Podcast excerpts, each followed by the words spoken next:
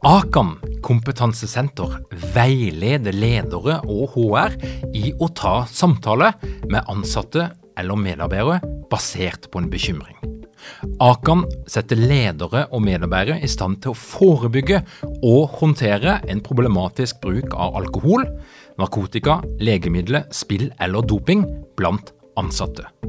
Ønsker du å lære mer om god forebygging og gjennomføring av samtale med en som du er bekymra for? Da kan du nå få tilgang på Akan sitt digitale samtalekurs til spesialpris, kun 760 kroner. Målet med kurset er å gjøre deg tryggere i det som kan være en krevende, men viktig samtale å ta i lederrollen. Du får tilgang til kurset med å gå til samtalekurs.no, samtalekurs.no, og bruke kampanjekoden LEDERPODDEN. Tilbudet gjelder ut april.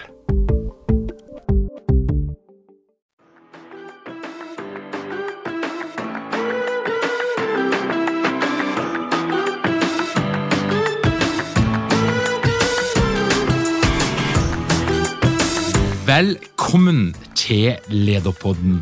Mitt navn er Tor Åge Eikerapen. Jeg jobber som organisasjonspsykolog, og dette her er en podkast om ledelse. Vi er alle enige om at kultur er viktig. Noen sier til og med at det er viktigere enn noen gang for å tiltrekke deg og beholde de beste folkene.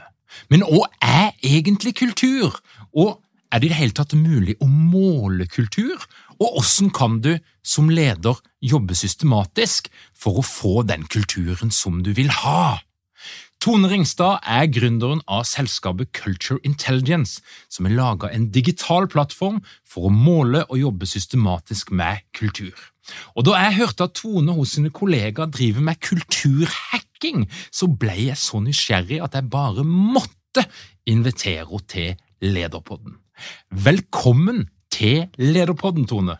Tusen takk, veldig kult å være her, og jeg er like spent som deg.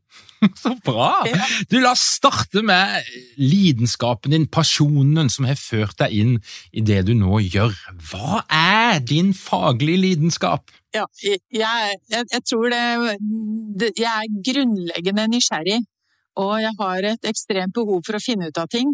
Og jeg må forstå hvordan ting henger sammen, sånn at eh, jeg har jo jeg har øvd meg veldig mye på geofysiske data. altså Jeg har jo hovedfag geofysikk, så jeg er trent til å tenke data og prosessering og systemer.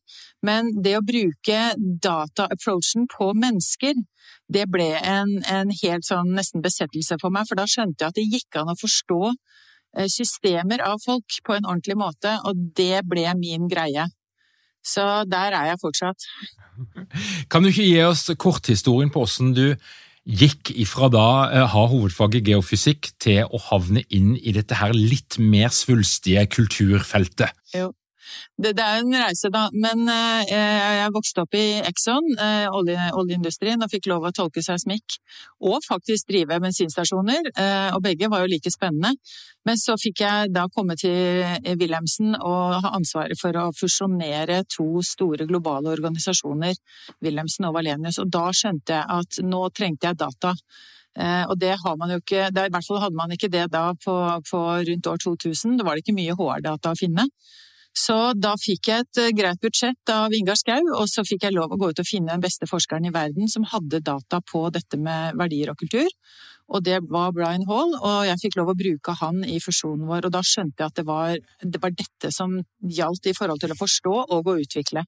Så den måten å forstå det på, det ble jo min greie. Eh, og så fikk jeg gjøre ferdig det prosjektet, og så begynte jeg som lederutvikler og gjorde det i ti år, eh, sånn at jeg brukte det konseptet som jeg da hadde vært med å lage. Og så, eh, litt tilfeldig, og sånn er jo livene våre, så møtte jeg på et eh, software-miljø i Silicon Valley på et av besøkene mine hos Brian, som foreslo at vi lagde en software ut av dette og kunne bruke det til bedre skalering. Og det var jo tilbake i 2014. Så da var det ingen som drev med software, liksom, og i hvert fall ikke PeopleTech. Så, men så tenkte jeg det hørtes smart ut, for da får vi tatt vare på og analysert alle dataene. Så gjorde vi det, og fire år etter så var den bootstrappet ferdig og klar for markedet. Og de fire årene som har gått siden der, så har jeg jobbet med å få plattformen så bra som det går an, bygge teamet og være fantastisk for de kundene som har lyst til å bruke oss. Jeg blir nysgjerrig på hvem Brian er. Kan du ikke fortelle litt om Jo.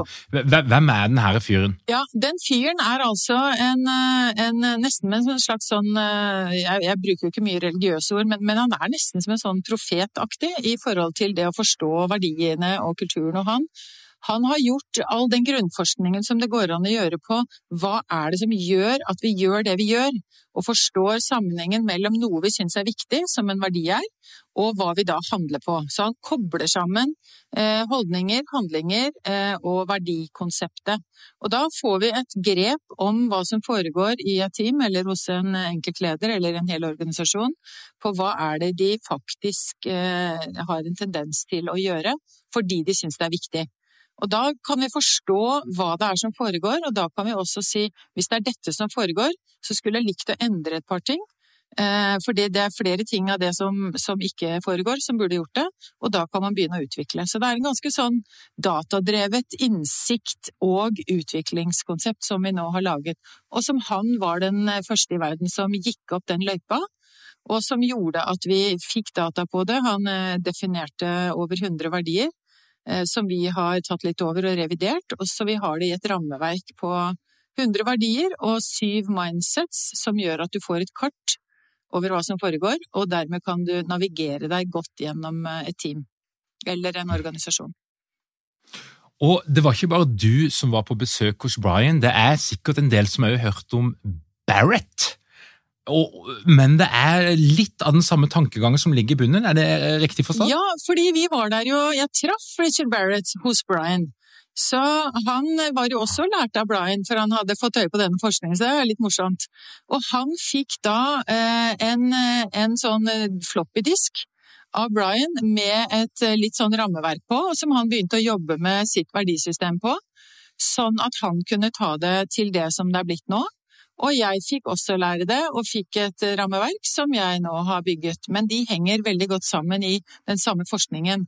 Eh, Barrett har en litt annen inngang til, til det å fange data. Han, han, gir deg 100 verdier som han ber deg peke på hvilke du syns er viktig, og det sa Brian veldig tydelig, at det kan du faktisk ikke gjøre, fordi du vet ikke nok om hva du faktisk handler etter. Så da kommer du til å få uh, litt sånn kludrete input, og da får du også det. Så jeg har brukt en mer, um, mer systematisk input, hvor du må gjøre valg på verdier som gjør at du blir tvunget til å tenke hva er det jeg faktisk gjør, så det er litt vanskeligere å lure systemet og å plotte inn det du faktisk har lyst til. Så du blir sittende med det du faktisk gjør, og da får vi ekte data, det ekte datasettet. Men vi må gå litt sånn tilbake til kjernen her, for nå snakker vi om verdier, og, og det, det, kan vi snakke mye om. Men, men, kultur, hva er kultur i denne konteksten? Hva betyr kultur? Ja, det er jo det det blir, da. Kultur er for meg flertallet på, på, verdier. Så du kan tenke at du og jeg har et verdisett som vi handler på, og som vi ønsker å gjøre virkelighet ut av. Og oss, hvis det er et utvalg på, på, av 100, så har du kanskje 8-10 som du syns er de aller beste. Og det er sånn du rønner livet ditt. Og det gjør jeg også. Og så når vi møtes, så er det noen ting som er viktig for begge, begge oss. Og da kommer vi fort til å finne frem til at det er sånn vi skal jobbe sammen. Så de verdiene som et sett mennesker har høy prioritet på, de som vi i et aggregert bilde får mest stemmer av oss, det er, blir jo de sterke driverne i en organisasjon. Altså de verdiene som alle er enige om at dette er viktig, det er jo bakteppet på sånn gjør vi det hos oss. Ikke sant? Med andre ord, dette er viktig for oss, dette er våre verdier. Så den faktiske kulturen da, som finnes i alle team alle organisasjoner, enten du vet om det eller ikke, det er jo et sett med høyt prioriterte verdier som driver eh, kulturen i, eh, til en måte å handle på som den kjenner igjen, og som den prøver å, å perfeksjonere seg på. Helt til noen kommer inn og tenker dette er ikke den optimale måten å gjøre eh, samarbeid på eller innovasjon på. Nå trenger vi å revidere litt disse verdiprioriteringene, så vi velger inn noen verdier som vi tror er eh, bedre for oss, som gjør oss bedre. Og da har du det datasettet som heter ønsket kultur. Så vi Mm. jakter alltid på to datasett. Den faktiske kulturen, altså de verdiene som er sant om eh, de som er der, og den ønskede kulturen, som er dit de tenker hvis vi bare fikk til dette, så ville vi bli et enda bedre lag. Sånn jobber vi med kultur og verdier. Og så er det jo, I dette her feltet så er det jo en del problemer, eh, og et av problemene er jo at vi mennesker er utrolig dårlige på selvrapportering ofte. Altså Vi kan godt beskrive oss sjøl som at jeg er opptatt av det og det, og mennesket er viktig for meg, osv., men hvis du observerer den eh, atferden som spiller seg ut i det virkelige liv, så kan den ofte fravike ganske mye fra sånn som vi beskriver oss sjøl og våre egne verdier. Hvordan, løser du ikke det problemet? Mm. Vi bruker det vi kaller en ipsativ approach, altså vi tvinger noen å, tvinger noen til å velge når vi gjør eh, den surveyen vår. Eh, Så vi har jo selvfølgelig en, en skreddersydd survey for å fange verdier, og da utsetter vi de for fire valg, og de valgene er en, en atferd som da henger på en verdi. Så når du får velge mellom fire atferder og si hva er den viktigste for deg av disse fire atferdene, så er det mye vanskeligere å lure det enn For du er ikke helt sikker på hvilken verdi som henger bak, så du, du får liksom ikke den normative påvirkningen som du normalt ville hatt. Du har den på atferd, og da er det lettere å kjenne seg igjen og si jo, jeg gjør faktisk dette, for meg er det viktig, viktigere å hjelpe andre enn å fortsette å lære. Eh, For eksempel hvis jeg måtte velge mellom de to, så, som jo er to verdivalg, så, som velger mellom hjelpsomhet og læring, så, så ville jeg sannsynligvis valgt hjelpsomhet. Eh, og da har jeg svart på det spørsmålet, gitt verdien hjelpsomhet ett eh, poeng. Og så ruller dette rundt mellom de 100 verdivalgene som vi har, og så kommer det ut eh, som et, eh, en prioritering av de 100 verdiene, basert på de valgene du har gjort. Så det er ikke så lett å lure den surveyen. Da skal du i hvert fall vite veldig godt hva det er du skal lure den til. Mm. Og det er heller ikke så lett, så, for du er, du er ikke påvirket av de normativene eh, verdiene på samme måte. For det, det er jo noen forskning som forteller at de verdiene som blir beskrevet i reklameteksten som du ser på ei webside som der eh, et selskap presenterer seg sjøl, Ja. det er iallfall en del større amerikanske selskaper som, som der det rapporteres at eh, de verdiene korrelerer ofte ekstremt svakt med hvordan de ansatte faktisk opplever det å jobbe i det selskapet. Ja. Men det er noe litt annet. Nei, det er egentlig en del av samme ligningen, fordi eh, det handler jo om at noen har, eh, som jeg pleier å si, fire hvite menn dro på Lysebu og fant fire fine ord. Eh, Og så kommer de tilbake litt sånn begeistret og sier nå har vi det. Litt tatt ut av en sammenheng og ut av lufta kanskje, i hvert fall var det litt sånn tidligere. Og, og de verdiene kan jo aldri bli noe mer enn eh, en, en veldig fin sånn markedsføringskampanje for de som er der, fordi de ser ikke seg selv i det bildet. Og det er liksom paragraf én i verdi- og kulturforståelse, eh, det er at jeg må kunne se hvor jeg er i det nye bildet hvis jeg skal gidde å bli med på det. Og dermed så må du starte den jobben med å kartlegge hva er det som er her, så du skjønner hvor du starter, og så kan du si av dette så tar vi med oss et par ting som er utrolig viktige fremover også, og så legger vi på et par ting som vi ser at strategien vår eller målbildet vårt eh, krever. Og da får du denne ønskede kulturen. Men da ser vi at noe av det som vi allerede er, blir eh, representert i det nye. Og da kan det hende at vi har lyst til å være med, men hvis du bare liksom finner de fire ordene, så blir det tomt. Ja. Og så er det en sånn diskusjon rundt dette her med det kollektive versus det individuelle. Altså Hvis, hvis vi velger en sånn kollektivt sett med verdier og kultur, Ja. kan en da møte på et problem med at det er ikke sikkert at alle ansatte identifiserer seg like mye med det, de verdiene, eller at det ble proklamert når du ble ansatt, at skal du jobbe her, så må du være sånn. Hvordan, løser en sånne type ting? Hvor mye skal vi kreve av individet når det gjelder å være med og bygge opp under en, en eh, kollektiv kultur? Ja. Og det er jo nøkkelspørsmålet rundt ledelse, da, som du er på nå, i, i, i sånn som jeg tenker om det, i hvert fall. At du må jo ha et, en formening om hva slags kultur du ønsker å ha. Så det, du må ha eh, de to dataene som jeg sa, altså du må vite hva du har, og så må du vite hva du ønsker deg, og så må du se hvor langt unna er vi. Det, det er et gap der mellom de to eh, i, i alle bedrifter, tror jeg. Eh, og når du inviterer folk til å komme og jobbe der, så er det jo fair å si dette er den ønskede kulturen som vi gjerne vil ha. Så hvis du kan hjelpe oss å bygge den, så blir vi veldig fornøyd. Og så er det jo sånn at vi er jo aldri 100 eh, av det, men jeg tror det viktige her, det er jo å være bevisst på hva er det dette selskapet ber meg om å prioritere? Og i hvilken grad er jeg i stand til det med mitt verdigrunnlag? Det er jo den analytiske tilnærmingen her. Og hvis du hadde kunnet gi noen data på det, og det kan vi, kandidaten kan gjøre en, en verdisurvey, og selskapet kan ha en innsikt på det, så kan man jo se på de to sammen. Men det er ikke så mange som gjør det. De fleste sier vil du være med og jobbe i en bedrift som er samarbeidsvillig, innovativ, åpen og bærekraftig, så vil du si ja, for det har jeg hørt at det er viktig, så det sier jeg ja til. Og så er man litt sånn blind på hvor langt unna er jeg, og hvordan kommer dette til å gå for meg. Men det høres bra ut. Mm -hmm.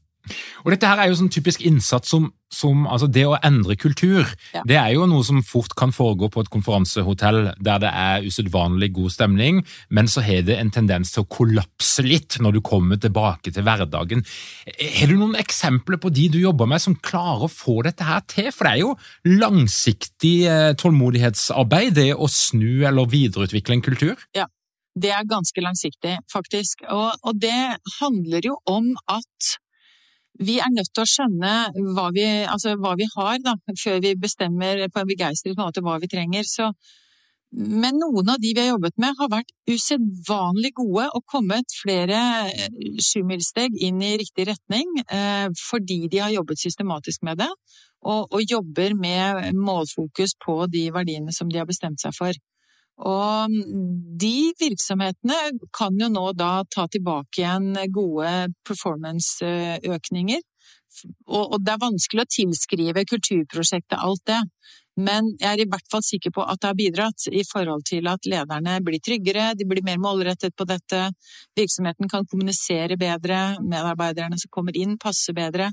Det er jo noen veldig sånne klare fordeler på å jobbe på den måten. Kan du skissere opp hva, hva kan være sånn typisk et, et utgangspunkt? altså Det, det er nå-situasjonen. Der ser vi at våre verdier er sånn og sånn og sånn. Det er den type atferd som preger vår organisasjon. Eh, og så ønsker vi å nå det målet der framme. Hva, hva, hva, kan være sånn, et typisk gap? Ja. kan du velge helt vilkårlig. Ja. Eh, jeg, har jobbet mye med oljeindustrien, da, fordi jeg kommer jo derfra selv, så det er liksom hjemmebanen min. Så jeg gjorde en studie i, i sommer hvor vi så på hva er egentlig tradisjonell olje- og gasskultur. Så vi tok alle dataene vi hadde eh, fra et stort antall selskap, og så så vi på hva er, det, hva er den kulturen, hva er det den består av? Og det er klart, den består av veldig mye eh, produksjon, sikkerhet og ekspertise. Det er tre sånne veldig tydelige verdier som er i den kulturen fra langt tilbake, og som gjør at Norge har vært et eh, enestående olje- og gassland veldig lenge.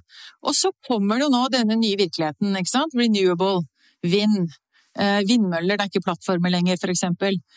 Som jo krever noe helt annet. Fordi eh, vindmøller er for det første det Businessen der er jo mye mindre margin.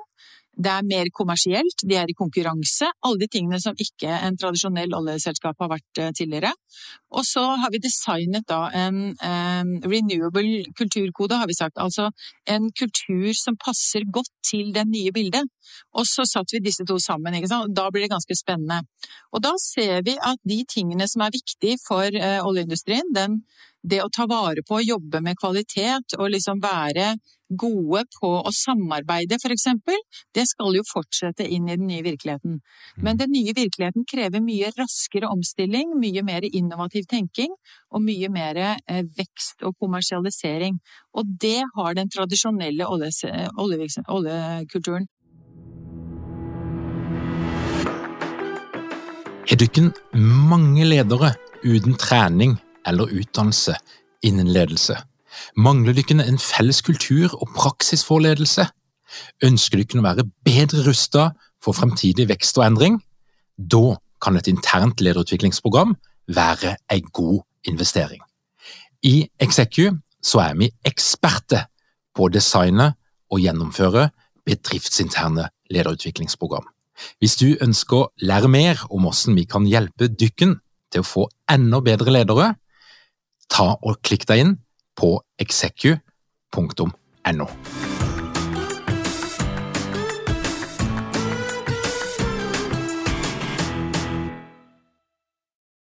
Mye mindre av. Så da har vi liksom identifisert et par gap som gjør at olje, eh, tradisjonelle oljeselskap, eller som nå heter det energiselskap, må fokusere mer på de elementene som de da ikke har nok av, for å møte den nye fornybare virkeligheten.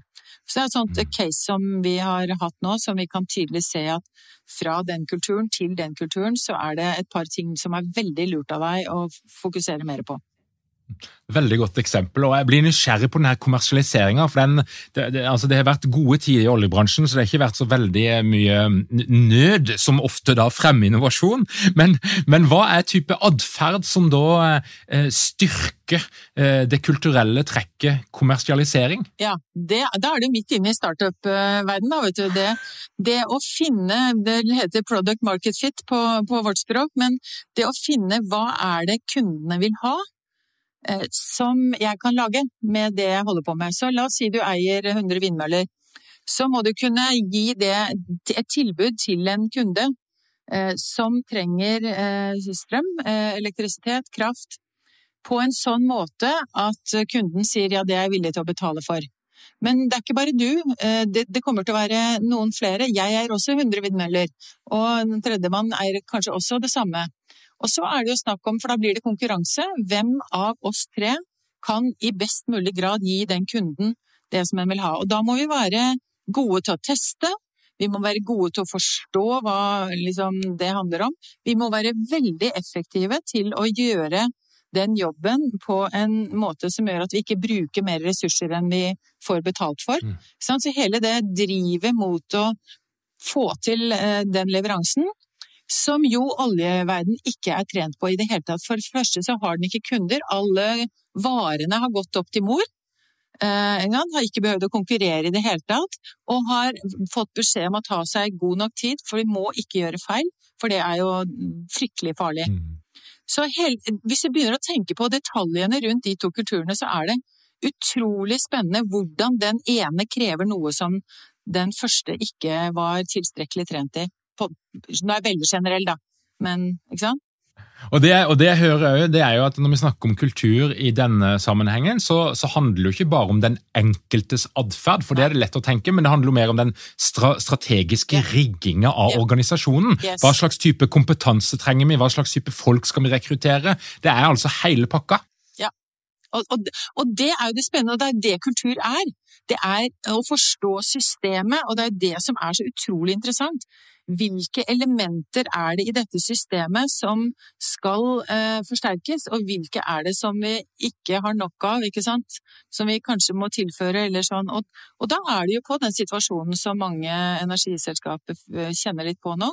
Vi har ikke akkurat det vi trenger, og så er vi på jakt etter eh, talenter som kommer inn med det er det tredje datasettet her. De kommer inn med en helt annen kultur. Så hvordan får vi blanda dette på en så god måte at vi får det til å virke og får den effektiviteten som vi skal levere til kundene? Mm. Og det er kommersielt, og det er vanskelig. Eh, og vi har ikke gjort det før, husk på. Vi har ikke vært i en renewable business eh, veldig mange år. Vi er solid trent til å være energiselskap som produserer.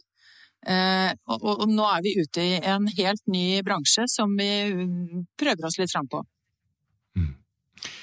Og så Jeg blir nysgjerrig litt på det norske markedet når vi snakker om de her tingene. For min eh, opplevelse nå er jeg litt frekkere enn det jeg trenger å være, men, men det er jo en del konsulentselskap som i mange år har gjort gode penger på å reise rundt med ganske tynne eh, metode for å drive med kulturarbeid, verdiarbeid, og som kanskje aller mest har vært en semantisk øvelse i å finne på de kuleste ordene som smaker best i, et eller annet format.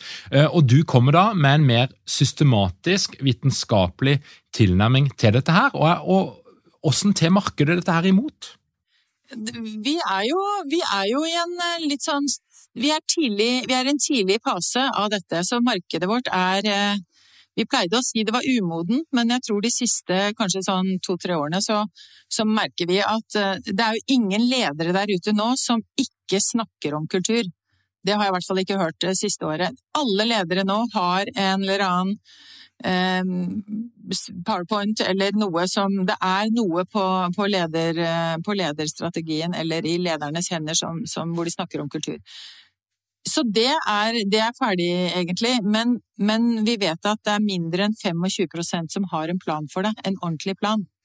Så hvis du går på f.eks. en av de store konferansene, så vil du ha alle har en slide eller to på at kultur er viktig, fordi det handler om hvordan man gjør det til slutt. Men det vi eh, møter, det er jo en veldig stor interesse for eh, at man kan gjøre det det vi kaller culture as a science. Altså det er en, en metodikk og en, et rammeverk for dette også. Det er målbart og styrbart. Men det som vi møter, er jo at det er utfordrende å si dette er sånn du kan gjøre det, og her må du investere i teknologi som Altså, vi er jo et teknologiselskap. Du må få på deg en lisens, så du kan begynne å jobbe med det på en ordentlig måte. Og da møter vi innimellom litt sånn, ikke, eh, altså, sånn Vi møter ikke nok av de som sier det er den beste investeringen jeg kommer til å gjøre i år, for nå skal jeg virkelig få det til. Eh, mange ganger så møter vi eh, at ja, men vi har medarbeidermålinger, vi, eller undersøkelser, eller vi har nettopp gjort en puls, eh, vi har noe puls et eller annet, som jo høres ut som det samme, men som egentlig ikke går etter samme datafangsten. Da. Mm. Så da må vi være enten veldig gode til å selge, eller så får vi ikke den jobben. Men det, det, som jeg, jeg hører, det er jo at uh, veldig mange norske ledere og misjonærer på feltet organisasjon og ledelse som snakker om kultur, de snakker egentlig om sine antagelser om kultur. For det ligger ingen data til grunn, bortsett ifra de her uh, anekdotene som, som, måtte flyte rundt. Ja, det, det opplever jeg også. og det men det er ok, det. fordi da, er det der vi begynner. Da tar vi tak i det som henger på veggen, og så sier vi du, eh, hvor langt unna det her er dere egentlig? Eh, og, og, det blir jo det første vanskelige spørsmålet. Og så begynner vi å si skal vi fylle de, de boksene der med litt målbart innhold? Og så kan vi gå inn der og, og begynne der, liksom. Og da, da, er vi i gang. Så det er ikke veldig vanskelig å komme i gang, men, men man må liksom innse at de, de antagelsene som man har hatt om kultur, den subjektiviteten eller den, eh, si, det bildet man har av hva slags kultur man har, man må tørre å ta ned det og si at det er sannsynligvis ikke helt nøyaktig. Hvis du tør det som leder, så er du inne i et veldig godt læringsløp for hvordan du skal kunne gå inn på, på en ordentlig måte og datadrevet og få det til. Mm. Og Hvis du ser liksom tilbake på det som har skjedd i dette her feltet, da, for du, vi er jo i en utvikling der det stilles stadig høyere krav til at ting skal være vitenskapelig, det skal være eh, metodisk og systematisk. Eh, men hva er det som har skjedd de siste 15-20 årene som du skulle ønske at du kanskje visste eh, langt tilbake, når du da jobba f.eks. i Exxon? I Exxon var det ingen som snakket om verdier, så når jeg, når jeg kom på et lederprogram der og møtte noen fra Wilhelmsen som begynte å snakke om verdier, så lurte jeg på i all verden hva de mener? Eh, fordi Exxon har jo en perm for alt, men jeg hadde ikke sett den som verdiperm, så jeg ble veldig satt ut på hva det, hva det faktisk betydde. Eh, så var det der jeg fikk en jobb etterpå, da, så det, jeg måtte ha stilt noen gode spørsmål. Men, eh, men det jeg skulle ønske jeg visste, det, det er jo denne, denne metodikken for hvordan man først og fremst kan forstå sine egne verdier. For det er jo utgangspunktet for absolutt alt det vi gjør. Så det å forstå seg selv på en god måte eh, tidlig, det er jo kjempeviktig. Og det sier jeg både til mine egne barn, men også alle sånne young professionals som jeg treffer. Finne ut av hvem du er, fordi da kan du gjøre bedre valg. Eh, så, så litt sånn Det skulle jeg ønske at jeg visste. Og så skulle jeg jo veldig gjerne ønske at jeg visste mye mer om dette med hvordan mennesker jobber sammen eh, tidlig. Eh, det lærer du ikke på geofysikkstudiet, for å si det sånn. Det, men, men det, så jeg kom litt sånn seint i gang med det, da, som er blitt min store passion. Men det gjør egentlig ingenting, for nå er jeg der. Men denne innsikten i Altså, vår purpose, da, det er og radikalt endre hvordan folk jobber sammen for å skape noe verdifullt. Det er culture intelligence i et nøtteskall. Så vi er inne og ser på hva er det folk holder på med, individuelt eller sammen, eller hva, og hva burde de holde på med for å få det her bedre til. Og da må du ha data. Det nytter ikke liksom å basere seg på, på bare disse klisjeene eller antagelsene. Så det skulle jeg ønske at jeg hadde fått innsikt i mye før, for da hadde jeg vært mye bedre til det jeg gjør nå. Eh, tidligere, og da kunne vi hatt det enda gøyere. Ja. altså, jeg er nysgjerrig på, Ser du store forskjeller? Og jeg skal begrunne svar, for at Når jeg er rundt og jobber med arbeidsmiljø, og sånne type ting, så, så, når folk skal beskrive hva er det de skal starte med, hva skal de slutte med, hva skal de fortsette med, så er det veldig mye de samme tingene som går igjen. Vi skal være mer sammen, vi skal drikke mer kaffe, vi skal ha eh, afterwork-øl, og vi skal, ha, vi skal slutte å snakke bak ryggen på hverandre. Det er gjengangerne. Så det jeg lurer på, det er om du er inne og kikker på ulike organisasjoner systematisk. Er det mye det samme som gjeng igjen? Det har jeg lett etter eh, de siste 15 årene, eh, og jeg spør spørsmålet er det sånn at det finnes noen generiske verdier som alle må ha? Eh, og det, jeg tror svaret på det eh, er sannsynligvis så er det noen, eh, to-tre type ting, som jeg tror er Du må ha en tilstrekkelig trygghet og tilhørighet til at du, du vet at du er satt, tatt vare på og, og hører til, og så må du ha en viss grad av en samarbeidsevne til altså Du må få det til sammen med de andre, for du klarer deg ikke så veldig godt alene. Og så må du ha tilstrekkelig fokus litt på sånn neste steg, eh, altså hvor er det du skal. Men bortsett fra det, så finnes det jo 100 verdier, og nyansene her er jo det som egentlig teller. Eh, og avhengig av hvor du skal, og hvem du i utgangspunktet er, og hva du holder på med, så vil jo alle disse bildene bli litt forskjellige. Eh, så jeg tror svaret er litt ja, begge deler. Eh, men det er dette, må, det er dette som er jobben, da. Hva vil virke for oss? Mm. Hvem skal vi være uti der? Og vi, vi har jo tatt vår egen medisin, så vi ser jo på det. Og for en liten startup så er det kanskje ekstra viktig at man finner ut av hvem man er, fordi den neste som kommer inn i en startup når du er ti, sånn som vi er ti nå, de to neste som kommer inn, de har liksom to tiendelers impact på hvem vi da blir. Ikke sant? For vi bidrar alle sammen. Mens hvis, er, eh, hvis du er eh, eh, Norsk Hydro, da, så er de neste to, eller selv de neste hundre, de bare forsvinner fordi det er 25 000 der fra før av. Så dette er ren sånn algebra i forhold til å regne hvor mye impact får hver ny. Men det der må du faktisk ha grep om. Mm. For ellers så kan du bomme veldig på, på hvordan du vokser selskapet, da, som er viktig for sånne selskap som oss. Ledere, ledere, som hører på Lederpodden, de er jo i, i små og store selskaper, og Norge bestemmer jo stort sett av SMB-virksomheter.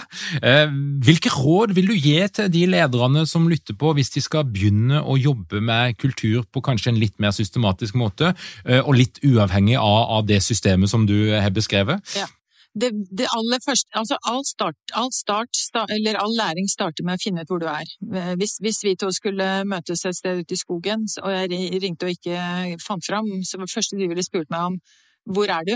Ikke sant? Så må, vi må, skal vi kunne hjelpe hverandre, samme hva slags data du bruker og hva du holder på med, så må du finne ut hvor er vi igjen. Så det er liksom Det er punkt nummer én. Finne ut hva, hva du har finne ut hva slags kultur du faktisk har, og, og, og tør å tenke utover at dere vet det.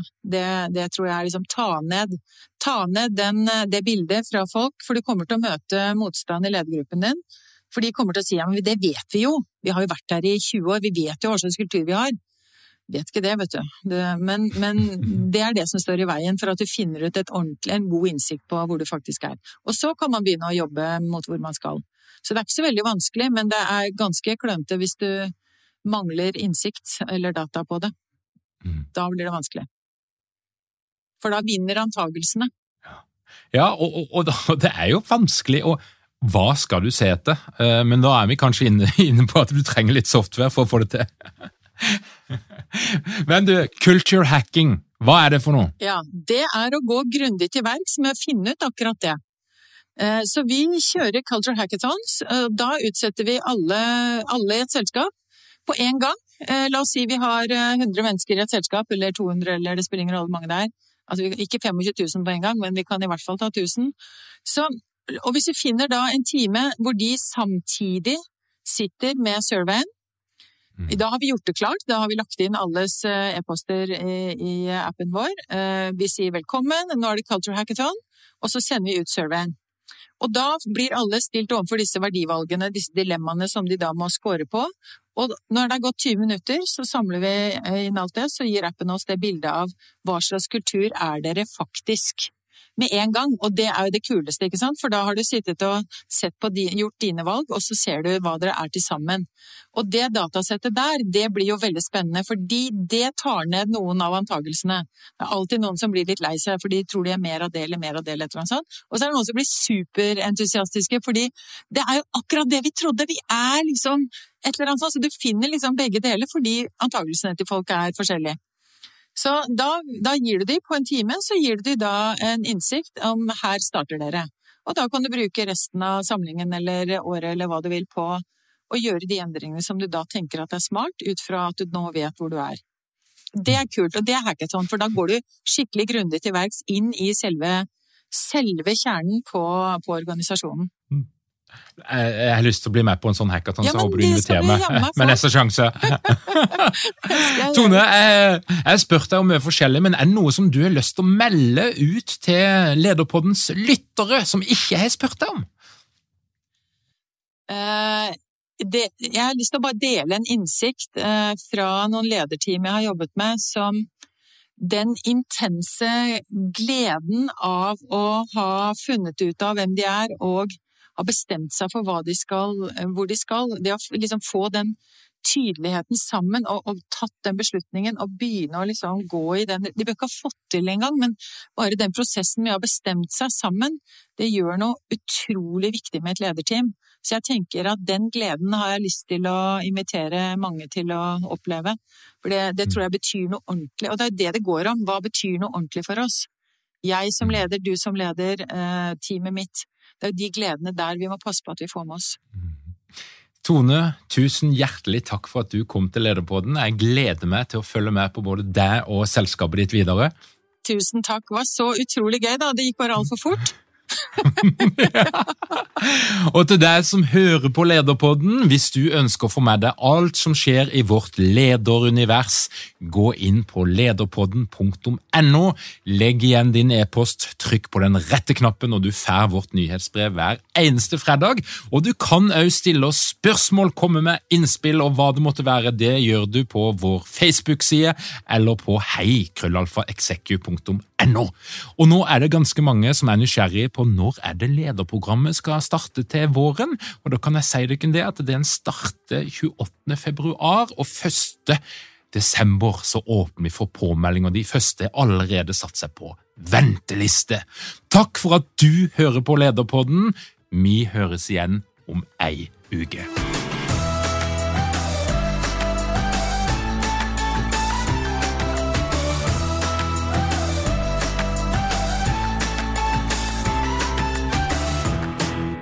Lederpodden er gitt til deg av Execu.